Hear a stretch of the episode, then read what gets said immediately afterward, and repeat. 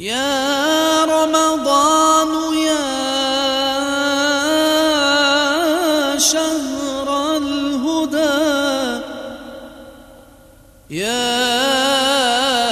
شهر الندى يا شهر البركات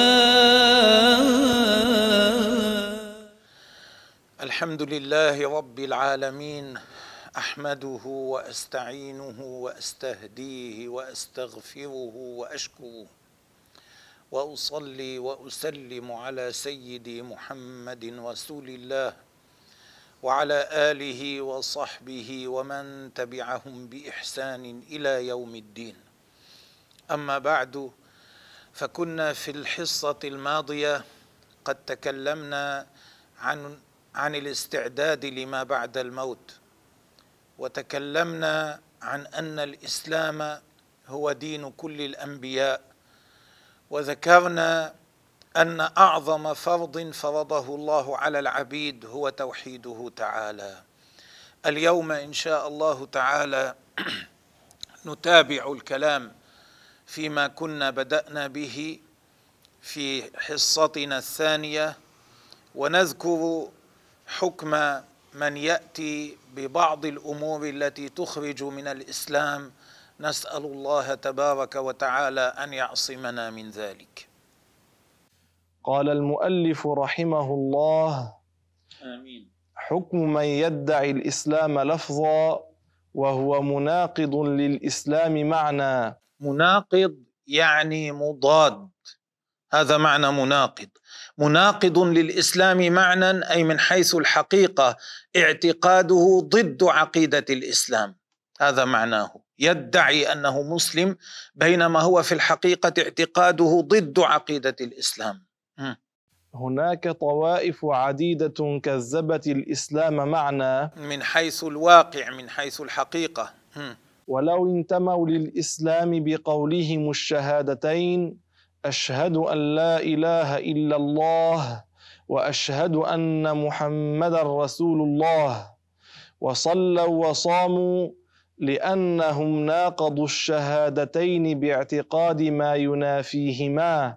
قال العلماء من اعتقد عقيدة هي ضد عقيدة الإسلام لو تلفظ بلسانه بالشهادتين وصلى وصام فهذا لا ينفعه عند الله تعالى شيئا. إنما هو كافر لا ينتفع بشيء من الطاعات التي فعلها وهؤلاء منهم. فإنهم خرجوا من التوحيد بعبادتهم لغير الله فهم كفار ليسوا مسلمين. بعض هؤلاء في الحقيقة يعبدون غير الله ويقولون نحن مسلمون. هؤلاء ليسوا مسلمين ولو سماهم من سماهم مسلمون مسلمين. كالذين يعتقدون ألوهية علي بن أبي طالب. فإنهم عبدوا مخلوقا وهؤلاء لا يكونون مسلمين. أو الخضر. كذلك. أو الحاكم بأمر الله وغيرهم. هذا كان الحاكم كان رجلا من العبيديين الذين حكموا مصر مدة من الزمن ادعى الألوهية ودعا الناس لعبادته. أو بما في حكم ذلك من القول والفعل. وكذلك يشبه هذا كل قول أو فعل يخرج من الإسلام. من كان على عقيدة هي ضد عقيدة الإسلام. أو قال قولا يخرج من الإسلام أو فعل فعلا يخرج من الإسلام. لو قال أنا مسلم قوله هذا لا ينفعه حتى يرجع عن هذا الكفر. لو نطق بالشهادتين نطقه هذا لا ينفعه ما لم يرجع عن الكفر الذي هو واقع فيه. مثل المنافقين كانوا يقولون لا إله إلا الله محمد رسول الله بألسنتهم. لكن قلوبهم ليست متوافقة مع ما يقولون لذلك لم تنفعهم الشهادتان. وحكم من يجحد الشهادة من يجحد يعني من يكذب من ينكر. وحكم من يجحد الشهادتين التكفير قطعا. قطعا قولا واحدا بلا خلاف. الذي يأتي بشيء هو ضد الشهادتين عقيدة كان أو قولا أو فعلا فحكمه التكفير قطعا أي قولا واحدا بلا خلاف بين العلماء. ومأواه جهنم خالدا فيها أبدا. أي إذا مات على ذلك. لا ينقطع في الآخرة عنه العذاب إلى ما لا نهاية له وما هو بخارج من النار. الله يعصمنا من ذلك الله يعصمنا من ذلك. ومن أدى أعظم حقوق الله بتوحيده تعالى من أدى أعظم فرض فرضه الله على العبيد الذي هو توحيده تعالى الإيمان الصحيح به عز وجل وبنبيه محمد صلى الله عليه وسلم. به تعالى وبكلامه وبنبيه بمن أرسله لأن تكذيب كلام الله تكذيب لله وتكذيب رسول الله تكذيب لله. أي ترك الإشراك به شيئا. لم يعبد شيئا غيره. وتصديق رسوله صلى الله عليه وسلم. كما بينا. لا يخلد في نار جهنم خلودا أبديا وإن دخلها بمعاصيه. ومآله في النهاية على مآله مرجعه ومصيره. ومآله في النهاية على أي حال كان الخروج من النار ودخول الجنة بعد أن يكون قد نال العقاب الذي الذي يستحق إن لم يعفو الله عنه. ال- المؤمنون أنواع. مؤمن تقي أدى الواجبات واجتنب المحرمات. هذا يدخله الله الجنة بلا عذاب هنيئا لمن كان كذلك. مؤمن أدى الواجبات واجتنب الكبائر ومات من غير أن يتوب من بعض الصغائر التي كان ارتكبها من غير أن تكون قد محيت عنه كانت ما زالت مكتوبة عليه. فإن هذا الله تعالى يعفو عنه ويدخله الجنة بغير عذاب. اجتنابه للكبائر يؤدي إلى سبب يكون سببا لعفو الله تعالى عنه. إلا إذا زادت صغائره على حسناته فإن هذا كبيرة. هذا يدل على تهاون بالدين. لذلك كان كبيرة يدخل يستحق بسببها عذاب النار. القسم الثالث المؤمن الذي مات على الإيمان لكن ارتكب كبيرة أو أكثر ومات من غير أن يتوب منها. فهذا تحت خطر المشيئة.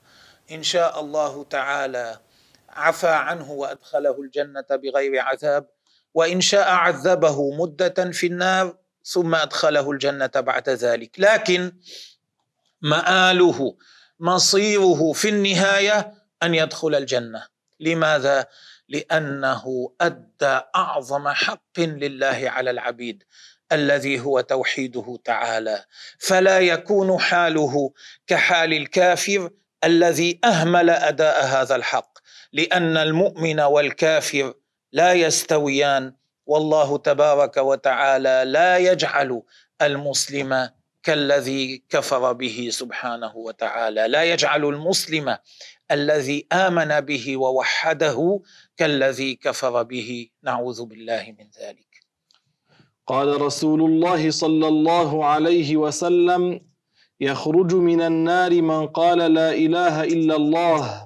وفي قلبه وزن ذرة من إيمان رواه البخاري. قوله عليه وهذا الكلام من النبي عليه الصلاة والسلام تأييد لما ذكرنا قبله.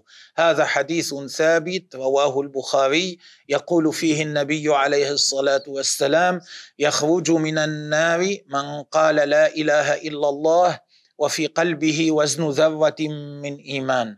يستفاد من هذا الحديث أمران الأمر الأول أن بعض العصاة لا بد أن يعذب بالنار لأن النبي عليه الصلاة والسلام قال يخرج من النار أي بعد أن كان دخلها بذنوبه.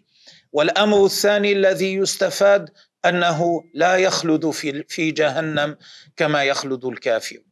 وقوله عليه الصلاة والسلام وزن ذرة من إيمان أراد به بيان أن الإنسان إذا كان في قلبه أقل الإيمان أقل ما يسمى إيمانا في الشرع فإن هذا يكون كافيا حتى لا يخلد في نار جهنم والذرة إما أن يكون المراد بها النملة الحمراء الصغيرة وهذه وزنها كلا شيء أو يكون المراد بها هذا الهباء الذي نراه عند دخول الشمس من الكوه في الضوء الذي يدخل من الكوة في البيت هل هذا الذي يشبه الغبار؟ نراه. هذا أيضا وزنه كلا شيء.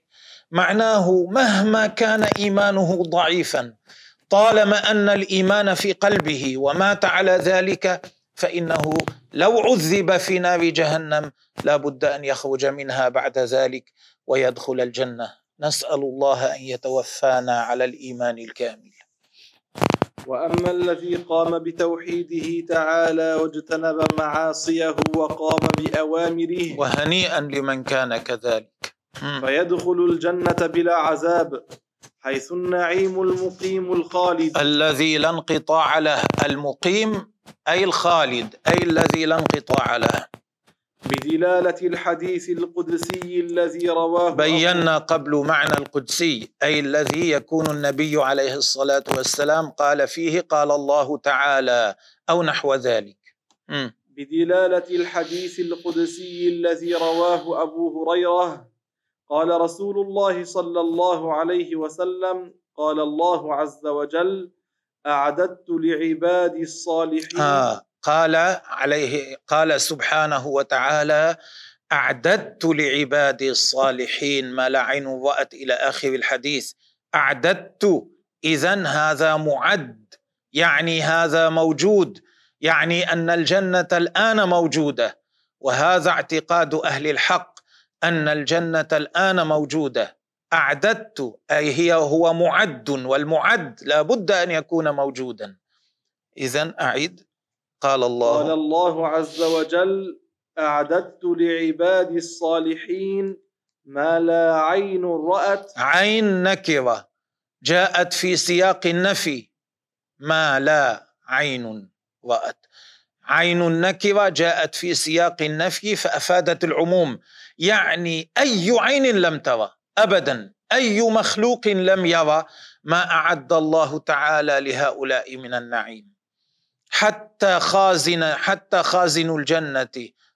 رضوان ما لم يرى ما أعد الله تبارك وتعالى لهؤلاء من النعيم المقيم. إذا ما لا ما لو أعدت من الأول قال قال الله عز وجل أعددت لعبادي الصالحين ما لا عين رأت ولا أذن سمعت ولا خطر على قلب بشر. وقال أبو هريرة يؤيد أبو هريرة ما رواه. اقرأوا إن شئتم قوله تعالى فلا تعلم نفس ما أخفي لهم من قرة أعين جزاء جزاء بما كانوا يعملون. إيه، قرة العين من قرة أعين أي ما تقر به أعينهم. وهنا المراد به ما تسكن له أعينهم من الفرح من السرور ما يسرون به. هذا معناه. اذا أبو هريرة يقول اقرأوا إن شئتم قوله تعالى فلا تعلم نفس أيضا نفس نكرة في سياق النفي. فأفادت العموم أي نفس لا تعلم أي نفس لا إنس ولا جن ولا ملك أي نفس لا تعلم ما أخفى الله تبارك وتعالى لهم من النعيم الذي يسرون به جزاء على ما كانوا يعملونه في الدنيا من الأعمال الصالحة. وهذا يبين أهمية العمل وأن لا يترك الانسان الإنسان العمل وأن الدرجات العليا لا تنال بالكسل ولا تنال بمجرد التأمل كما يدعي بعض ملاحدة المتصوفة ولا بمجرد الجلوس في حلقة الشيخ ولا بمجرد توجه الشيخ إلى المريد. إنما من أراد أن يكتسب الدرجات العالية عند الله فلا بد له من العمل. هذا طريق النبي عليه الصلاة والسلام وهذا ما أرشد إليه كتاب الله تعالى. فمن حاد عنه فقد حاد عن الحق. رواه البخاري في الصحيح. نعم. بيان أقسام الكفر. الآن انتقل بعد أن ذكر شؤم الكفر وسوء عاقبته انتقل إلى بيان أقسامه تحذيرا من الشر لأن الذي لا يعرف الشر قد يقع فيه وهو لا يعلم أنه شر. واعلم يا أخي المسلم أن هناك اعتقادات وافعالا واقوالا تنقض الشهادتين وتوقع في الكفر. تنقض الشهادتين أي تكذب معنى الشهادتين. هذا معنى تنقض الشهادتين يعني تضاد الشهادتين. نعم. لأن الكفر ثلاثة أنواع. كفر اعتقادي وكفر محله القلب. وكفر فعلي. محله الجوارح. وكفر لفظي. محله اللسان. وذلك باتفاق المذاهب الأربعة. كل أهل كل علماء المذاهب الأربعة لم يخالفوا هذا. م. كالنووي وابن المقرئ من الشافعية. ابن المقرئ من مشاهير علماء الشافعية اليمنيين والنووي أشهر من نار على علم. نعم. وابن عابدين من الحنفية. وهو من أشهر علماء الحنفية صاحب الحاشية المشهورة. والبهوتي من الحنابلة. وهو حنبلي معروف مصري معروف شرح منتهى الإرادات. م. والشيخ محمد عليش من المالكية. والشيخ محمد عليش المالكي الذي آه الذي كان شيخ الجامع الأزهر في وقته. مشهور. م. وغيرهم. فلينظرها من شاء. نعم. وكذلك غير علماء المذاهب الأربعة من المجتهدين الماضين كالأوزاعي فإنه كان مجتهدا له مذهب كان يعمل به ثم انقرض أتباعه. وليس المجتهدون المذاهب الأئمة الأربعة فقط أبا أبو أبو أعني أبا حنيفة ومالكا والشافعية وأحمد بل هناك مجتهدون آخرون. من نظر في أقوالهم ونظر في الأحاديث ونظر في أقوال السلف وجد أنها مملوءة ببيان بما يدل على أن الكفر منه ما هو اعتقاد بالقلب منه ما هو فعل بالجوارح منه ما هو قول باللسان. ومن هؤلاء المجتهدين الإمام الأوزاعي رضي الله عنه الذي أمضى آخر مدة من حياته مرابطا على ساحل بيروت وتوفاه الله تعالى هناك. حيث مرقده الذي يزوره أهل بيروت وغيرها آه، راجين من الله تعالى البركة بذلك. الكفر الاعتقادي وكان لحظة وكان الأوزاعي مجتهدا له مذهب عمل الناس به مئتي سنة. ثم بعد ذلك صرف الله قلوبهم عن اتباع مذهبه إلى المذاهب الأخرى. لذلك لم ينقل كثير منه كثير من مسائل هذا المذهب لم ينقل. لكن بقي الناس في بلاد الشام وفي الأندلس نحو 200 سنة يعملون بمذهبه. ثم انقرض أتباعه لأمر شاءه الله تعالى. الكفر الاعتقادي مكانه القلب كنفي صفة من صفات الله تعالى الواجبة له إجماعا. الكفر الاعتقادي النوع الأول هو الكفر الاعتقادي الذي محله القلب وذلك كالذي ينفي صفة من صفات الله تعالى الواجبة له إجماعا. هناك ثلاث عشرة صفة واجبة لله تبارك وتعالى. من أنكر صفة منها خرج من الإسلام. لأن من أنكر صفة منها لم يعرف الله كما يجب ومن لم يعرف الله كيف يعبده. لذلك من أنكر صفة من هذه الصفات فهو كافر. كوجوده وكونه قادرا وكونه سميعا بصيرا. مم. أو اعتقاد أنه نور بمعنى الضوء أو أنه روح. كذلك من الكفر الاعتقادي أن يعتقد إنسان أن الله تبارك وتعالى نور بمعنى الضوء. أما أن يقول الله نور أو الله النور هذا صحيح. معناه الهادي الله نور السماوات والأرض. هدى أهل السماوات وهدى المؤمنين من أهل الأرض.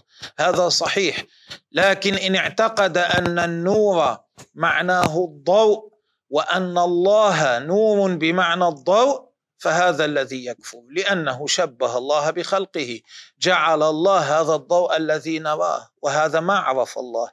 كذلك الذي اعتقد أن الله تعالى هو هذه الروح التي تدخل البدن أو ما يشبهها. فإنه لم يعرف الله تبارك وتعالى. م. قال الشيخ عبد الغني النابلسي. الشيخ عبد الغني النابلسي من ال... من فقهاء الحنفية المشهورين الذين كانوا في دمشق. هو نابلسي الأصل لكن ولد في دمشق ونشأ فيها وأبوه كان فقيها حنفيا معروفا. من اعتقد أن الله ملأ السماوات والأرض م. أو أنه جسم قاعد فوق العرش فهو كافر وإن زعم أنه مسلم يقول الشيخ عبد الغني النابلسي لو زعم لو ادعى أنه مسلم إذا اعتقد أن الله جسم قاعد فوق العرش كما نحن نقعد الذي يعتقد أن الله قاعد إذا اعتقد أن الله تبارك وتعالى له جزءان جزء أعلى وجزء أسفل وله مقعده وأنه ملامس بمقعدته الشيء الذي يقعد عليه العرش أو غير ذلك. هذا لا يكون عرف الله هذا يتكلم عن مخلوق عن جسم مخلوق مثلنا. هذا لا يكون عارفا بالله.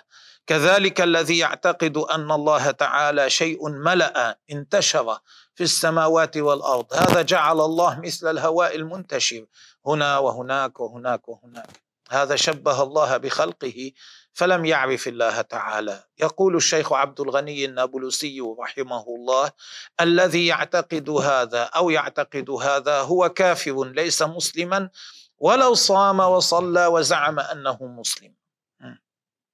الكفر الفعلي. انتقل الآن إلى بيان القسم الثاني من الكفر وهو الكفر الفعلي الذي يكون بالجوارح بالبدن.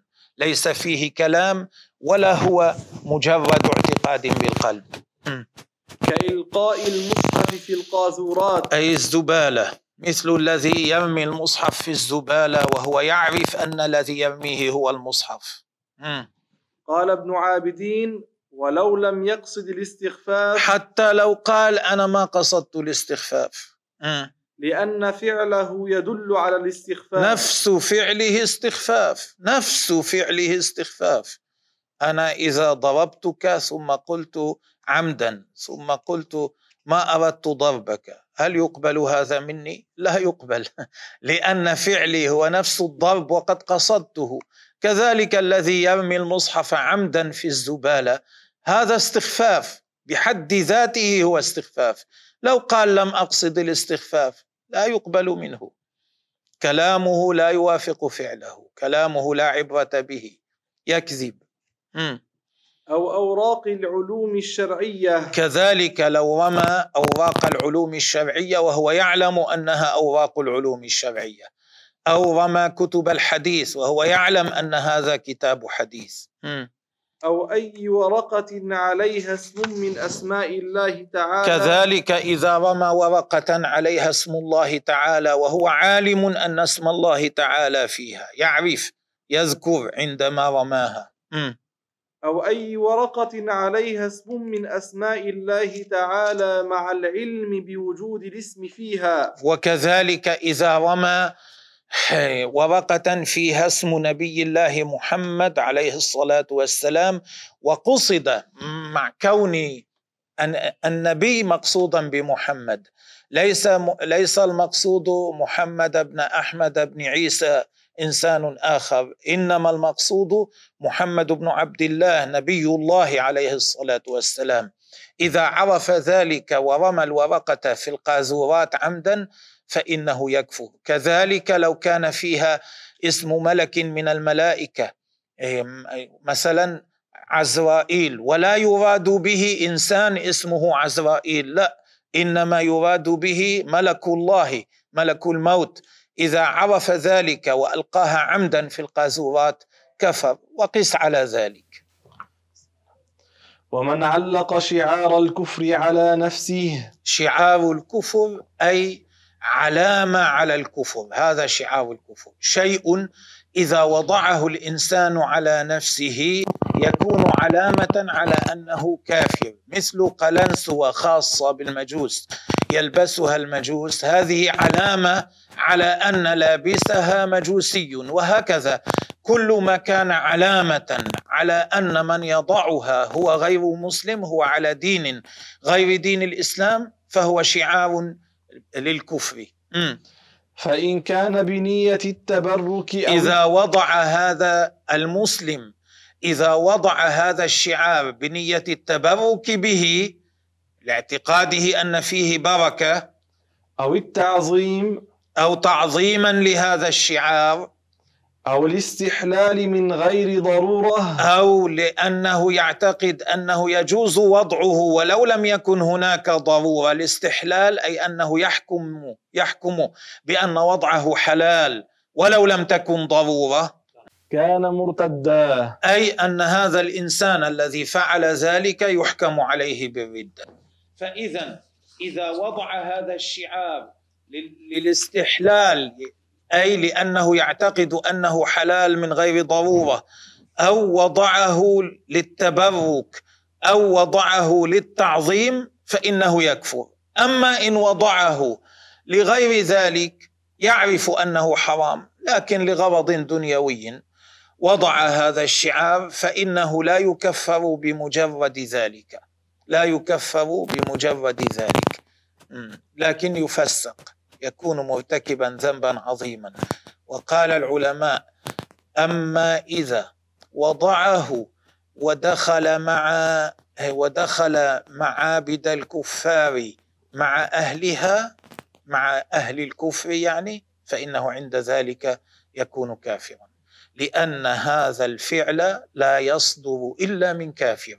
والقاعدة أن كل فعل لا يصدر إلا من كافر كان فاعله كافرا. كالذي يسجد للنار الذي يسجد للشيطان الذي يسجد للصنم وما شابه ذلك. الكفر القولي. الآن انتقل إلى النوع الثالث الذي هو الكفر القولي الذي محله اللسان الذي يحصل بالقول. م. كمن يشتم الله تعالى بقوله من يسب الله يشتم الله أي يسب الله والعياذ بالله. كمن؟ كمن يشتم الله تعالى بقوله والعياذ بالله من الكفر أخت ربك أو ابن الله يقع الكفر هنا ولو لم يعتقد أن لله أختا أو ابنا. ال- الذي يشتم الله أي يسب الله تبارك وتعالى سواء قال أخت الله أو ابن الله أو نحو ذلك من الألفاظ السفيهة فإنه يكفر ولو كان في قلبه لا يعتقد أن الله له أخت أو أن الله له ولد وذلك لأنه كذب القرآن. لما قال أخت الله كذب الدين كذب النبي كذب الله. لما قال ابن الله كذب الله كذب النبي. وهذا يكون خروجا من الإسلام والعياذ بالله تعالى. ولو نادى مسلم مسلما آخر بقوله يا كافر بلا تأويل كفر القائل لأنه سمى الإسلام كفرا. معنى هذا الكلام أنه لو قال مسلم لآخر يا كافر. هنا يوجد احتمالات. الاحتمال الأول أن يكون عالما أنه مسلم وقال له يا كافر وقصده بذلك يا من دينك دين الكفر. قصد بقوله يا كافر الحقيقة أنك كافر على الحقيقة أي أن دينك كفر وهو يعلم أن دينه الإسلام. هنا يكون سمى الإسلام كفرا فيكفر والعياذ بالله. الاحتمال الثاني أن يكون الذي قال هذه الكلمة لا يريد حقيقتها أي لا يقصد أنت دينك دين الكفر إنما يريد تشبيهه بالكافر. وذلك كأن يكون الشخص كثير التعامل بالربا ما عنده شفقة على المسلمين. فيقول له يا كافر يعني أنت تشبه الكافر في خساسة عملك. هنا لا يكفر لكنه ينهى عن هذه الكلمة. يقال له لا تقل للمسلم يا كافر ولو أردت تشبيهه بالكافر. الاحتمال الثالث أن يرى شخصا هو دائما مع الكفار قاعد معهم يصادقهم يوادهم دائما معهم. حاله كحالهم لباسه يشبه لباسهم لا يتميز عنهم. فيظن لأجل ذلك أنه كافر فيقول له يا كافر لأنه ظنه كافرا لا يظنه مسلما ظنه كافرا. فقال له يا كافر في هذه الحال أيضا لا يكفر لأنه لم يسمي الإسلام كفرا. إنما يقال له تبين قبل أن تتكلم. الذي يعيش في بلاد المسلمين وفي النواحي التي فيها مسلمون لا ينبغي أن يتسرع بأن يقال عنه كافر. ويكفر من يقول للمسلم يا يهودي أو أمثالها من العبارات بنية أنه ليس بمسلم. إلا إذا قصد أنه يشبه اليهود فلا يكفر. هك كما شرحنا في الذي قبله اليهود معروفون بأنهم كثير التعامل بالربا آه، يقرضون غيرهم بالربا آه، من كان غير يهودي يقرضونه بالربا تعاملهم كثير بهذا. من شبهه إذا إنسان مسلم كان حاله كحالهم. فقال له يا يهودي لا يريد أن دينه اليهودية. لا يعرفه مسلما ويقصد أن دينه اليهودية. إذا قصد ذلك كفر لأنه سمى الإسلام يهودية. لكن يريد أنك تشبه اليهود. حالك كحال اليهود فإنه لا يكفر على ما شرحنا قبله. ولو قال شخص لزوجته أنت أحب إلي من الله. كفر. إذا قال لزوجته أنت أحب إلي من الله كفر لأن بلا تأويل لأنه لأنه استهزأ بالله تعالى استهزاء لا شك فيه. ولو قال شخص لزوجته أنت أحب إلي من الله أو أعبدك كفر إن كان يفهم منها العبادة التي هي خاصة لله تعالى. أما إذا قال لها أعبدك فيكفر أيضا لأن معنى العبادة نهاية التذل نهاية التذلل هذا معنى العبادة. وهذا لا يجوز أن يصرف إلا لله تعالى. لكن لو فرضنا إنسانا أن هناك إنسانا جاهلا باللغة جهلا فظيعا ولأجل ذلك لا يعرف معنى العبادة يظن أن أعبد تأتي بمعنى نهاية التذلل ولها معنى شدة المحبة. لو فرضنا أن إنسانا كان كذلك فقال لزوجته أعبدك. وقصد بذلك أنا أحبك محبة شديدة فلا نكفره عند ذلك. لكن الأصل أن هذه الكلمة كفر. ولو قال شخص لآخر الله يظلمك كما ظلمتني كفر القائل. لأنه نسب الظلم إلى الله تعالى. لما قال الله يظلمك كما ظلمتني إذا كان يفهم من ذلك إذا كانت هذه العبارة عنده معناها الله تعالى يتصرف أسأل الله أن يتصرف بغير العدل. كما أنك تصرفت معي بغير العدل فإنه يكفر. لأنه نسب الظلم إلى الله تعالى جوز الظلم على الله. والله ليس بظالم. إلا إذا كان يفهم أن معنى يظلمك ينتقم منك فلا نكفره بل ننهاه. يعني إلا إذا ظن أنه في هذا السياق يظلمك يكون بمعنى ينتقم منك. لأنه يعرف معنى الظلم لأنه قال كما ظلمتني لأجل أنك ظلمتني. لكن بهذا السياق إذا قال الله يظلمك كما ظلمتني ظن أنه في اللغة يظلم يكون بمعنى ينتقم منك. إذا ظن ذلك فإنه وقال هذه الكلمة فإنه لا يكفر عند ذلك. م. ولو قال شخص لشخص آخر بعامية بعض البلاد والعياذ بالله يلعن ربك. كفر. إيه لأن معنى هذه الكلمة عندهم أنه هو يلعن الله فهو يسب الله فهو كافر بذلك. وكذلك وكذلك يكفر من يقول للمسلم بعامية بعض البلاد يلعن دينك. يعني لأنه في عاميتهم معناه أنه هو يلعن دينه. فإذا كان يعرف أن دينه الإسلام وقال ذلك كفر.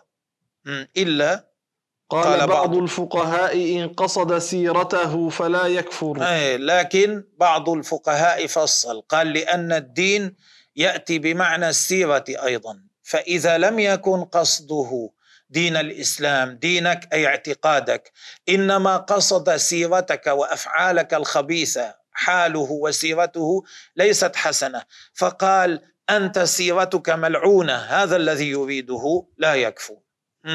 قال بعض الحنف أما إذا كانت سيرته حسنة وهو يعلم أنها حسنة ولعن سيرته أي لعن السيرة الحسنة قال عن السيرة الحسنة وعن طاعة الله والالتزام بشرع الله وبأدب رسول الله عليه الصلاة والسلام. إن هذا ملعون فإنه هو يكفر والعياذ بالله تعالى.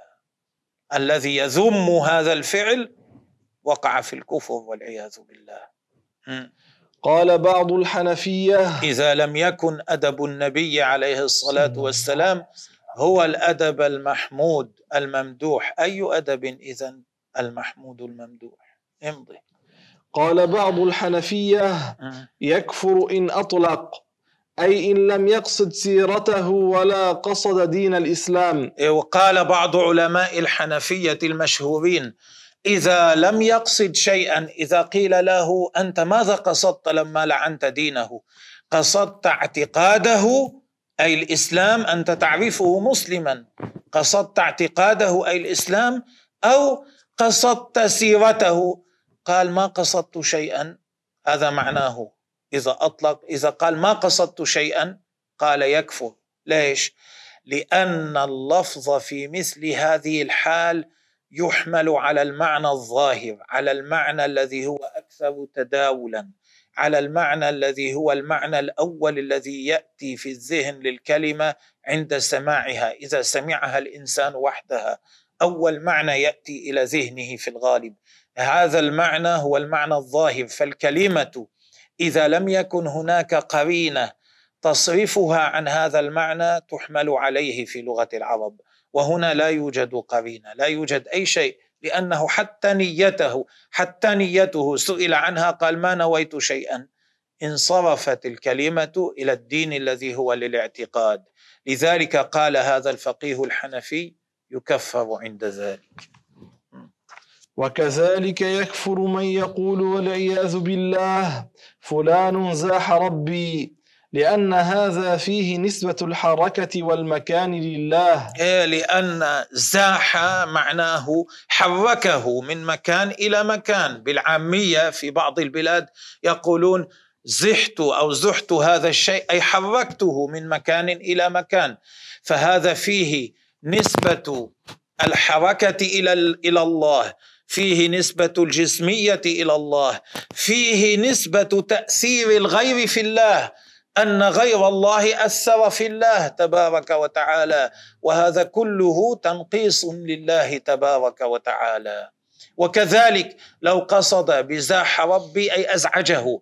ببعض البلاد بعض الناس يقول زحتني أي أزعجتني. كذلك يكفر لأن فيه نسبة الانزعاج الذي هو شعور يأتي إلى القلب حادث مخلوق إلى الله تبارك وتعالى. وهذا تنقيص وهذا تنقيص. الله يعصمنا من أمثال هذه الكلمات. وكذلك يكفر من يقول والعياذ بالله قد الله. يقصد المماثلة. بعض الناس يقول بالعامية هكذا يقول أض الله يريد مثل الله بقدر الله نسب إلى الله الحجم. وهذا كفر والعياذ بالله تعالى. وكذلك يكفر من نسب إلى الله جارحة من الجوارح كقول بعض السفهاء يا زب الله وهو لفظ صريح في الكفر لا يقبل فيه التأويل. المؤلف رحمه الله ذكر هذا اللفظ لأن هناك قرى عديدة يقولونه. أنا لي أقارب في قرية من هذه القرى عند زرتهم ومكثت فيهم مدة. الولد رأيت أن الولد الصغير فيهم الذي ما بلغ بعد يقول هذه الكلمة. هذه كلمة كفر منتشرة وليس صحيحا أن لها معنى لائق بالله. لا كل معانيها هذا لا يطلق هذا اللفظ إلا على العضو إلا على الذكر وإلا على طرف الأنف وطرف الذقن أو اللحية. في اللغة هذا معناه ليس له معنى آخر ولا يجوز أن ينسب مثل هذا إلى الله تبارك وتعالى. هذا استخفاف بالله. وكذلك يكفر من يقول أنا رب من عمل كذا. لأنه جعل نفسه ربا للعباد كالله. وهذا كفر والعياذ بالله. وكذلك يكفر من يقول والعياذ بالله خوت ربي. وهذا ظاهر. لأنه نسب النقص إلى الله جعل الله مجنونا. نعوذ بالله من ذلك. وهذا كله ألفاظ تذكر وتقال ولذلك ذكرها المصنف رحمه الله تعالى تحذيرا منها. لا حبا بسرد أقوال الكفر لا إنما تحذيرا منها. كما فعل قبله علماء عديدون. ذكروا ذلك النووي في الجزء العاشر من كتاب روضة الطالبين من الكتاب المطبوع لروضة الطالبين في الجزء العاشر. يذكر أقوالا كثيرة مثل هذا وقبله الرافعي وقبله كثير من العلماء من حنفية وغيرهم حتى إن بعض العلماء ألف كتبا خاصة بهذه الألفاظ للتحذير منها. ولذلك ذكر المصنف رحمه الله تعالى ما رآه شائعا في أيامنا في وقته من هذه الألفاظ تحذيرا منها. أو قال للكافر هذا هذا الحرام المنكر إذا سكت عنه يكبر يزيد يتوسع. والمصنف رحمه الله تعالى ما أراد ذلك. لذلك حذر من هذه الألفاظ وقضى عمره في التحذير منها وقد أثمر جهده, جهده. فإنه رحمه الله ورضي عنه بسبب جهده في ذلك كثير من هذه الألفاظ ما عادت تسمع في البلاد التي كانت تسمع فيها. نعم. أو قال للكافر الله يكرمك بقصد أن يحبه الله كفر. لأن الله تعالى لا يحب الكافرين. كما قال تعالى فإن تولوا فإن الله لا يحب الكافرين. أي فمن قال ذلك كفر والعياذ بالله تعالى. إذا كان قصده الله يحبك. أما إذا كان قصده الله تبارك وتعالى يوسع عليك بالرزق يوسع عليك بالمعيشة فإنه لا يكفر. لأن هذا يجوز أن يقال للكافر. وهذا قصد كثير ممن يقول هذه الكلمة فيما أظن. وكذلك القول للكافر الله يغفر لك إن قصد أن الله تعالى يغفر له وهو على كفره إلى الموت. كذلك من, من قال للكافر الله يغفر لك ومراده بذلك الله يغفر لك مع بقائك على الكفر إلى أن مت عليه. لا يريد بالكلمة الله يدخلك في الإسلام فيغفر لك. لا يريد لو مت على الكفر أسأل الله تعالى أن يغفر لك. فإن هذا يكون كفرا لأن الله لا يغفر الكفر لمن مات عليه. إذا كان هذا قصده أي أن يغفر الله له مع موته على الكفر فإنه يكفر. لذلك من قال عن كافر بعد موته الله يرحمه وقصد أن يريحه الله هذا فهمه من الكلمة فإنه يكفر.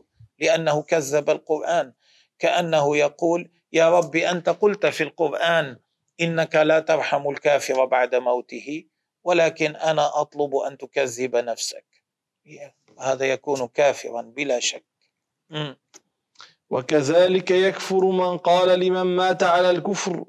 الله يرحمه بقصد أن يريحه في قبره. كما ذكرنا. لا بقصد أن يخفف عنه عز أن يخفف لا بقصد أن يخفف عنه عذاب القبر من غير أن ينال راحة. أما إذا كان لجهله يظن أن الكافر في الدين أنه في الشرع جاء أن الكافر يجوز أن يخفف عنه من عذاب القبر من غير أن يرتاح لكن يخفف عنه في قبره. فإنه لا يكفر لكن يعلم ألا يقول هذا. أما في الآخرة فلا يخفف عنه لأن الله نص في القرآن أنه لا يخفف عنه عن الكفار من عذاب النار. فإنه إن قال ذلك بهذا القصد فيحتمل أنه لا يكفر. يحتمل أنه لا يكفر يعني الأمر يرجع إلى حاله. إذا كان يعلم أنه جاء في الشرع أن عذاب القبر لا يخفف عن الكافر كفر إذا قال هذا أما إذا كان لا يعلم ذلك بل ظن أنه جاء في الشرع أنه يجوز أن يخفف عنه من غير أن يرتاح فقال هذه الكلمة وهو يظن أن هذا معناها أن هذا هو المعنى الذي تعطيه فإنه لا يكفر عند ذلك م. ويكفر من يستعمل كلمة الخلق مضافة للناس في الموضع الذي تكون فيه بمعنى الإبراز من العدم إلى الوجود. من يستعمل كلمة الخلق مضافة للناس يعني من يقول اخلق لي أو خلق فلان أو خلق أن القوم آه، آه، الفلانيون. من يقول مثل هذه العبارة هذا معنى من يستعمل كلمة الخلق مضافة للناس. إذا استعمل ذلك بمعنى الإبراز من العدم إلى الوجود فإنه كفر والعياذ بالله. لأنه لا يبرز من العدم إلى الوجود شيئا إلا الله. أما إذا كان مراده التصوير خلق تأتي بمعنى صور خلق تأتي بمعنى ملس وسوى. خلق تأتي بمعنى افترى الكذب. خلق الكذب بمعنى افتراه. خلق تأتي بمعنى قدر.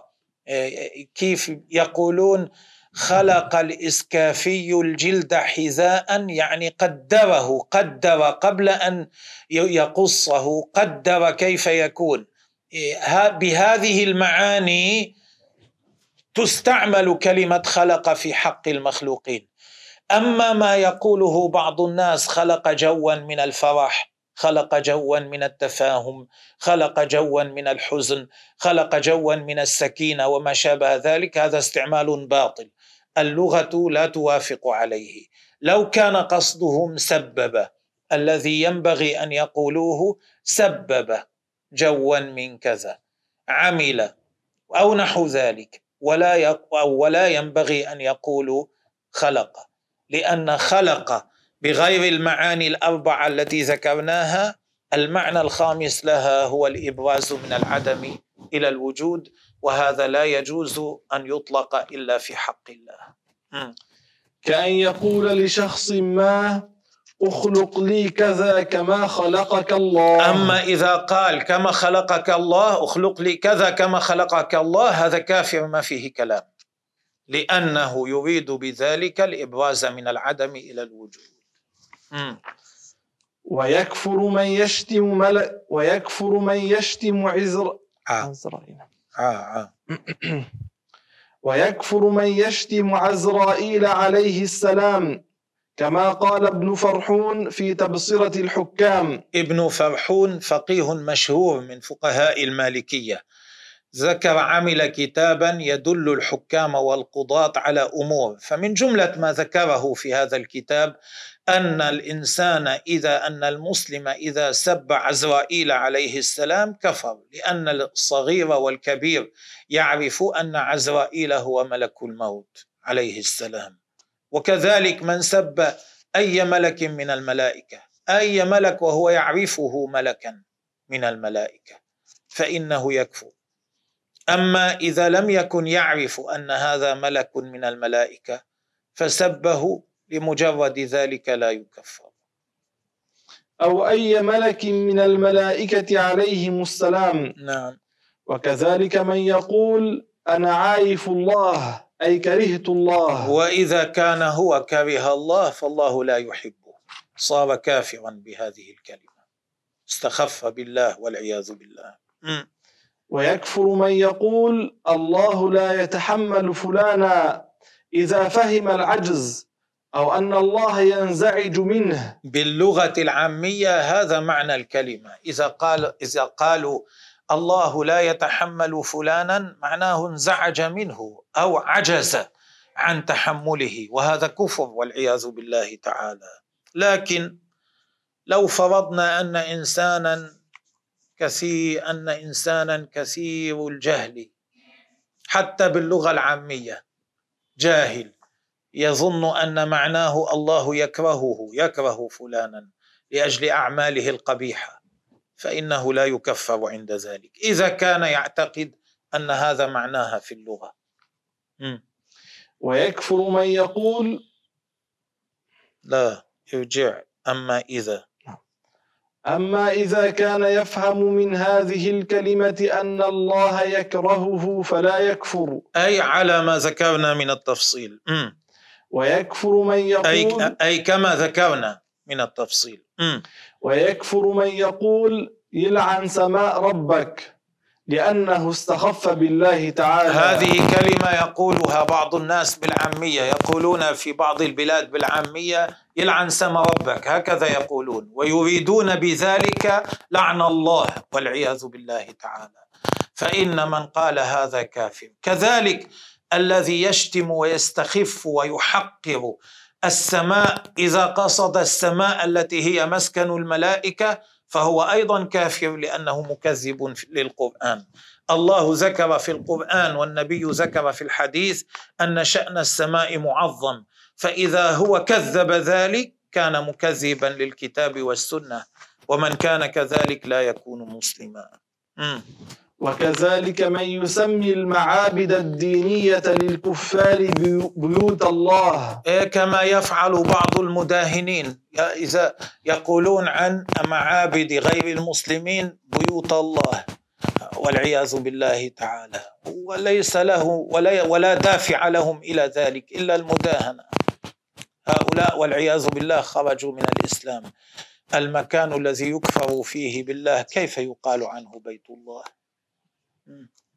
وأما قوله تعالى ولولا دفع الله الناس بعضهم ببعض لهدمت لهدمت صوامع وبيع وصلوات ومساجد فالمراد به معابد اليهود والنصارى لما كانوا على الإسلام لأنها كمساجد أمة محمد حيث إن الكل بني لتوحيد الله وتمجيده لا لعبادة غير الله. إيه، أما ما ذكره الله تعالى في الآية المذكورة من أنه لولا دفع الله الناس بعضهم ببعض لولا أن الله تبارك وتعالى جعل من الناس من يدافع عن الدين لكانت هدمت صوامع وبيع وصلوات ومساجد. الصوامع والبيع أماكن كان يتخذها النصارى حين كانوا على توحيد الله أماكن للعبادة. والصلوات جمع صلوتا وهو موضع كان يتخذه اليهود حين كانوا على الإسلام مكانا للعبادة. والمساجد مساجد أمة محمد عليه الصلاة والسلام. بنيت لتوحيد الله. هذه الأماكن كلها بنيت في الأصل لتوحيد الله تبارك وتعالى. فمثل هذه الأماكن ممدوحة. مثل هذه الأماكن هي بيوت لعبادة الله تبارك وتعالى. هذا هو المقصود بالآية. ليس المقصود بالآية الأماكن التي بنيت لأجل الإشراك بالله. لا. نعم. لأنها كمساجد أمة محمد هذه تشبه مساجد الأمة المحمدية بنيت لتوحيد الله. م. لأنها كمساجد أمة محمد حيث إن الكل بني امضي امضي. حيث إن الكل بني لتوحيد الله وتمجيده لا لعبادة غير الله. فقد سمى الله المسجد الأقصى مسجدا وهو ليس من بناء أمة محمد. هكذا. سبحان الذي أسرى بعبده ليلا من المسجد الحرام إلى المسجد الأقصى. سمى الله تعالى المسجد الأقصى مسجدا وكان في ذلك الوقت واقعا تحت سلطة غير المسلمين ومع ذلك سماه الله تعالى مسجدا. لأنه في الأصل من بناء المسلمين بني لتوحيد الله تبارك وتعالى. فيبقى له حكم المسجد ولو تسلط عليه غير المسلمين. مثل هذا لا بأس به. فليتق الله امرؤ وليحذر وليحذر أن يسمي ما بني للشرك بيوت الله. ومن لم يتق الله قال ما شاء. هذا وعيد وتهديد. ومن لم يتق الله قال ما شاء. يعني ليقل ما يريد سيجد مغبة ذلك. سيجد عاقبة ذلك من العذاب العظيم في الآخرة. إن مات من غير أن يتوب. م. وكذلك من حدث حديثا كذبا وهو يعلم أنه كذب فقال الله شهيد على ما أقول بقصد أن الله يعلم أن الأمر كما قلت لأنه نسب الجهل لله تعالى لأن الله يعلم أنه كاذب ليس صادقا. كذلك من الكفر اللفظي أن يقول إنسان أن يتكلم بكذب أن يكذب. حصل كذا وكذا وهو يعلم أنه لم يحصل يعلم أنه كذب. ثم يقول والله شهيد على ما أقول. يريد بذلك الله يعلم أن الأمر كما قلت فإنه يكفر بذلك لأنه نسب الجهل إلى الله. جعل الله جاهلا نقص الله تبارك وتعالى. وكذلك لا يجوز أما إذا كان يظن أن الأمر حصل كما يقول فقال الله شهيد على ما أقول. ثم تبين له فيما بعد أنه لم يحصل كما قال وأن ظنه كان خطأ فإنه لا يكفر لأنه ما نسب الجهل إلى الله بقوله هذا. وكذلك يكفر ليس معنى كلامه نسبة الجهل إلى الله.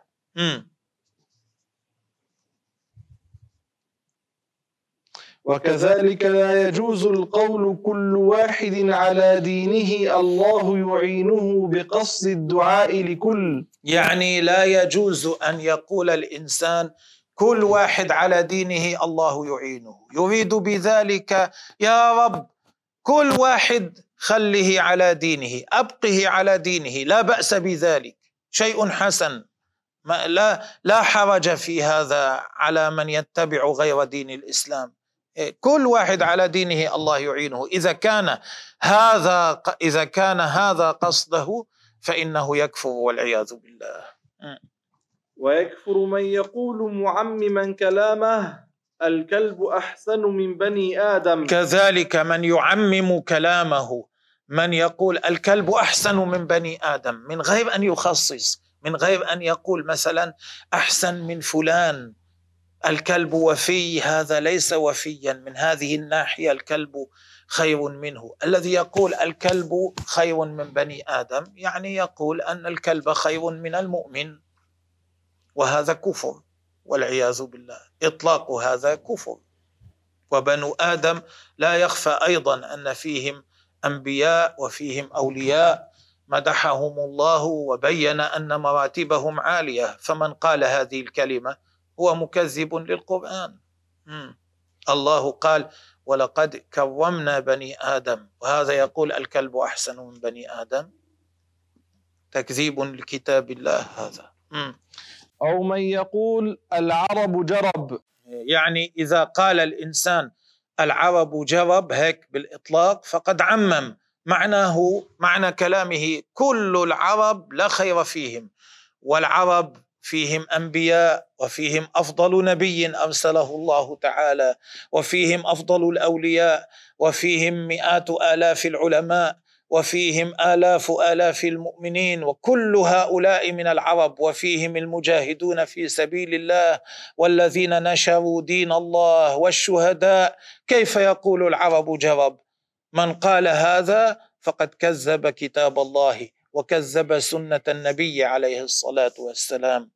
لذلك يكفر أما إذا كان في كلامه عبارة أو كان في في المجلس يوجد قرينة الكلام الذي يدور ما يدور في المجلس يوجد ما يدل على أنه لا يريد كل العرب إنما يريد قسما فاسدا منهم فإنه لا يكفر. أما إذا خصص كلامه لفظا أو بقرينة الحال كقوله اليوم العرب فسدوا. كأن يقول اليوم العرب فسدوا ثم يتبع ذلك بقوله العرب جرب عند ذلك يتبين هنا يوجد قرينة تدل على أنه ما أراد كل العرب. كقوله اليوم العرب فسدوا ثم قال العرب جرب فلا يكفر. ويكفر من يسمي الشيطان ببسم الله الرحمن الرحيم. كما في كما كان يحصل في بعض البلاد. كانوا في بعض البلاد كان بعض الناس يقول أعوذ بالله من بسم الله الرحمن الرحيم. يجعلون هذه الكلمة الشريفة اسما للشيطان والعياذ بالله تعالى. فهذا كفر والعياذ بالله عز وجل. أسأل الله أن يكون انقرض هذا من بينهم. أسأل الله أن لا يكون ما زال موجودا في تلك البلاد. على كل حال من قال ذلك كفر. أما إذا كان يقول ذلك لأجل التعوذ من الشيطان ليس بالعبارة التي ذكرتها قبل لكن كمثلا يقول جاءوا بسم الله الرحمن الرحيم لا يريد تسمية الشياطين ببسم الله الرحمن الرحيم إنما يريد التعوذ من شر الشيطان فإنه لا يكفر عند ذلك. لا إن ذكر البسملة بنية التعوذ بالله من شره. أي من شر الشيطان.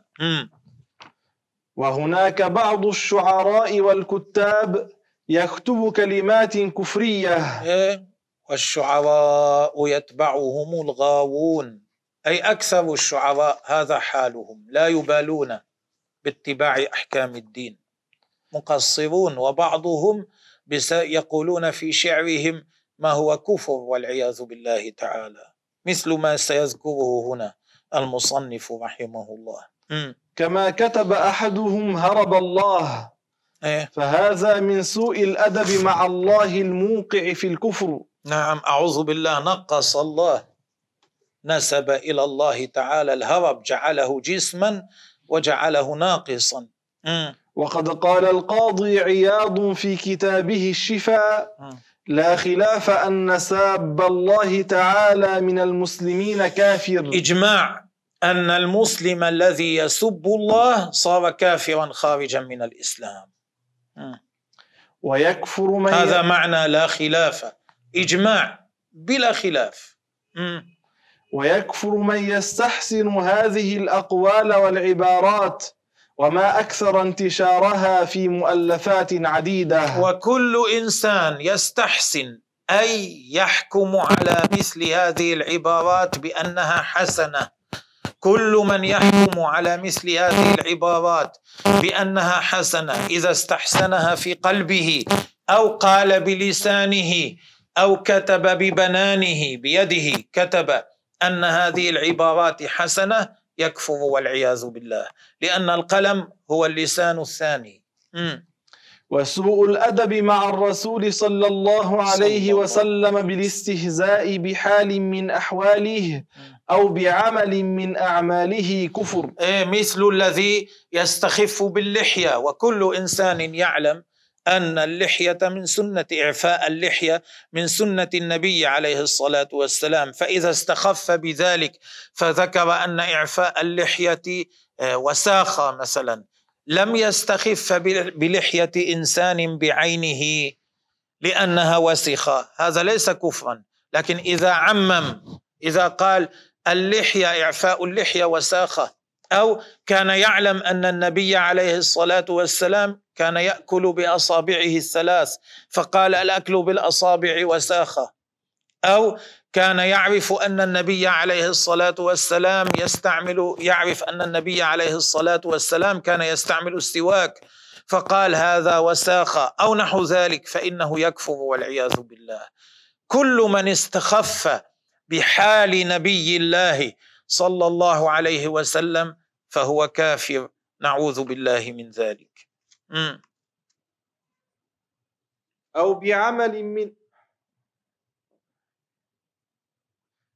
والاستهزاء بما كتب فيه شيء من القرآن الكريم. أو الأنبياء عليهم السلام. يعني الاستخفاف بالقرآن كفر. الاستخفاف بأي نبي من الأنبياء تنقيصه كفر والعياذ بالله. أو بشعائر الإسلام. بكل أمر من أمور الدين معروف بين الناس. لا يخفى على أحد أنه علامة من علامات الدين مثل الأذان مثل رمي الجمار مثل الحج وما شابه. من استخف بشيء من ذلك فهو كافر والعياذ بالله. أو بحكم من أحكام الله تعالى كفر قطعا. عرف أن حكما من الأحكام أن شيئا من الأحكام هو حكم الله في في الأمر. مثلا واحد يعرف أن الله حكم بأن الإخوة إذا ورثون إذا ورثوا من الوالد فإن الذكر يكون له مثل حظ الأنثيين. إذا استخف بهذا قال إيش هذا؟ هذا ليس عدلا كفر. مثل الذي يعرف أن الله تبارك وتعالى جعل الطلاق بيد الزوج فقال هذا ليس عدلا كفر. مثل الذي يعرف غير ذلك من الأحكام أي حكم من أحكام الله تعالى ثم استخف به أو قال هذا ليس صحيحا أو هذا غير عدل أو ما شابه ذلك. وهو يعلم أن هذا هو حكم الشرع كفر والعياذ بالله تعالى. أو بحكم من أحكام الله تعالى كفر قطعا. قطعا بلا خلاف. لم يختلف فيه اثنان من العلماء. وكذلك استحسان الكفر من غيره كفر لأن الرضا بالكفر كفر. هذا مر ما يدل عليه وأعيد للتأكيد. قبل ذكر استحسان بعض العبارات. أما هنا ذكر استحسان الكفر كله. كل من يستحسن كفرا بالقول أو بالقلب فإنه يكفر. إذا استحسن كفر كافر كفر. وإذا أعان الكافر على الكفر كفر أيضا والعياذ بالله تعالى.